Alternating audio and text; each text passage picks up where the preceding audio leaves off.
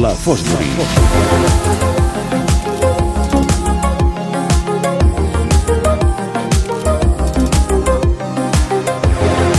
Roger Castillo, bona nit. Bona nit, Pere. Avui, eh, a l'espai de la Fosbury, tractarem d'un tema que ja em vas advertir que faríem, que no sé com tu faràs per sorprendre'm, però segur que em sorprendràs, i que estava esperant en candeletes. Jo crec que sí, eh? Frisbee. El frisbee, aquell plat que es llença, que Aquell normalment... Plat, aquell disc volador. Aquell disc volador que té, que té normalment un anunci al damunt i que regalen a molts llocs. Sí. I que jugues a la platja, amb la família, amb els amics o que va allà on parar a, a la taula del que està fent la truita de patates. i Que genera sempre alguna conversa amigable. Sí, sí, sí, sí. Aqu aquell, aquell material, Li fa res que li agafi el frisbee dintre la nevera? Sí. aquestes converses, aquestes converses estan agraïdes.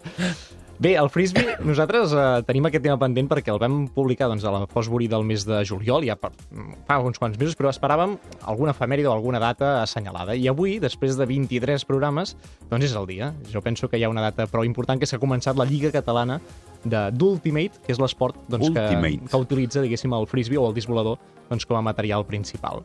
Si et sembla, fem cronologia per situar Sí, d'on ve sí, tot això. sí. Frisbee no és un nom que, si haguem de pensar semànticament, doncs eh, busquem l'etimologia, no, no sabem de llengües i llavors d'on ve això. Senzillament és el nom d'una empresa. Una empresa que es deia Frisbee Baking Company, 1903, ens situem doncs, eh, ja fa més de 100 anys, feia pastissos, era una empresa doncs, que venia pastissos, i els pastissos anaven amb un platet a sota, que els aguantaven, que a partir de 1903 doncs, eh, 1903. hi ha les primeres dates assenyalades doncs, que comença a recollir-se que hi han joves que quan acaben de menjar el pastís utilitzen el platet doncs, per passar-se'l, llançar-lo, i d'aquí doncs, neix el joc de, del frisbee, que és el que coneixem avui en dia doncs, tots nosaltres.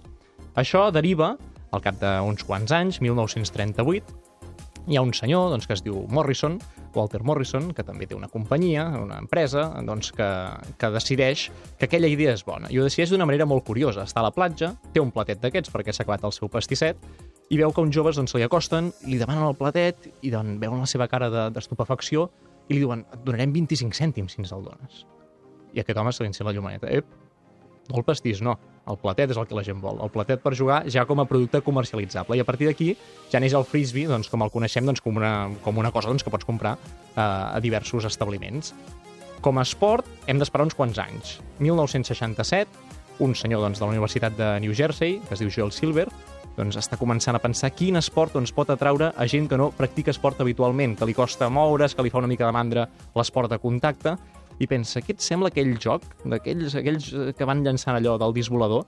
A veure si li poguéssim trobar una fórmula d'esport. I comença a pensar una normativa doncs, per intentar que eh, jugui gent que habitualment no està jugant a lligues universitàries o en aquest tipus d'espais. Amb tant d'èxit que el 1975, 8 anys més tard, ja ja es disputa doncs, el primer campionat universitari als Estats Units de frisbee, en aquest cas ja amb el nom d'Ultimate, que és el nom que se li dona a l'esport, participen 8 universitats i per tant ja comença amb la reglamentació oficial que hi haurà una als Estats Units i una altra arreu del món, doncs, a disputar-se l'Ultimate com a esport fins a dia d'avui.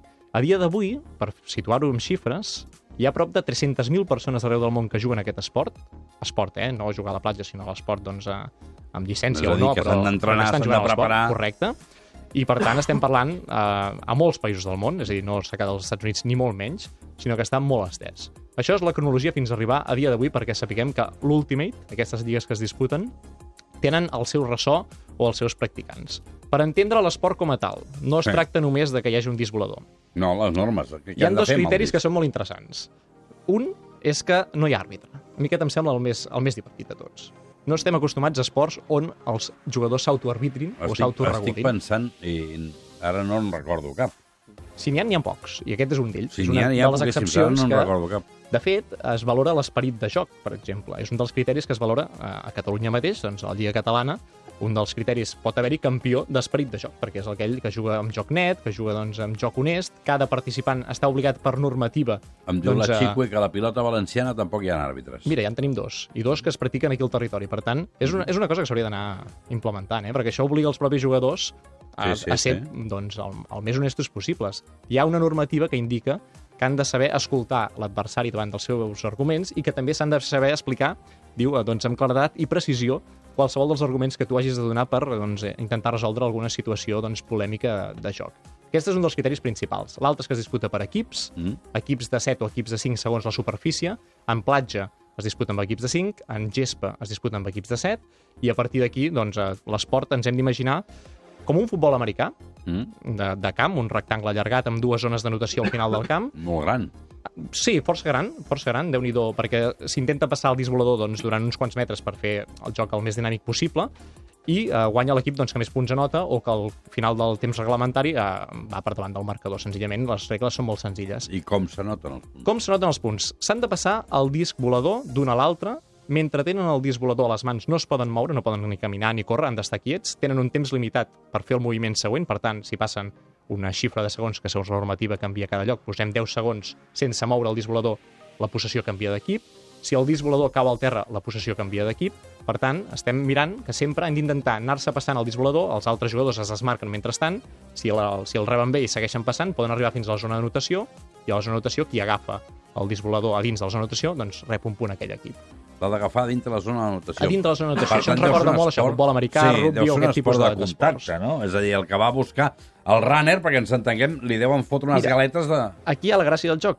No es pot, eh, no pot haver-hi contacte, diguéssim, com el bàsquet, que es penalitza el mínim contacte, doncs en aquest esport també. Eh, qualsevol contacte és una falta. Per tant, qui agafa la posició quan es desmarca, en el moment que estàs a punt de rebre el frisbee, qui està més ben situat és qui l'ha d'agafar.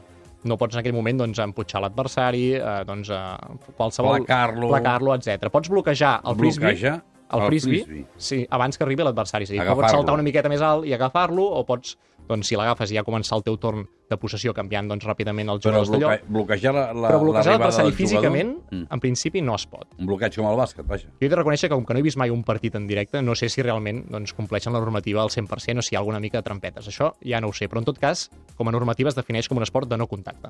Per tant, en principi, mm, és un esport molt tranquil, que físicament has d'estar en forma en tant que t'has de desmarcar més ràpid que l'adversari que el defensor que et persegueix, però més enllà d'això, doncs és un esport teòricament assumible.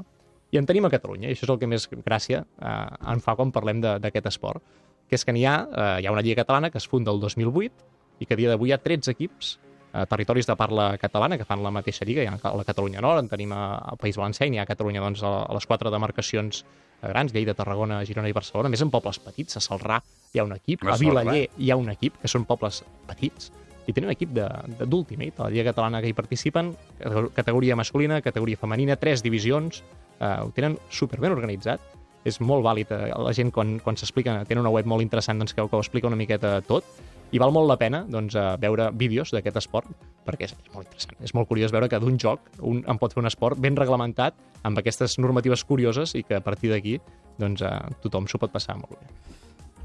Veus? Ho ha explicat de meravella.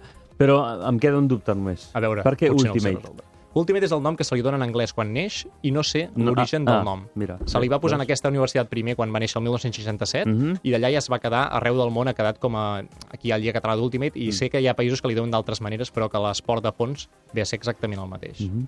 Escolta, per acabar, com sempre, fem un cop d'ull al moment Fosbury d'actualitat. Ve a començar la Lliga Catalana aquest cap de setmana a Castelldefels, però també tenim la, el Campionat del Món que es disputa a Dubai a principis de març. Fins al 13 de març hi haurà cita a Dubai, perquè veieu doncs, que és un esport realment extès internacionalment, doncs, que un Campionat del Món de, de frisbee o d'ultimate doncs, es disputa... Els Emirats no als deixen Emirats. passar ni el campionat del Ah, món. està clar no. Ja veuen venir un possible opció de negoci, per Crec tant, que allà estan, estan, intentant comprar els drets del campionat del món de botifarra, també. Uh, Roger, moltíssimes gràcies. A vosaltres.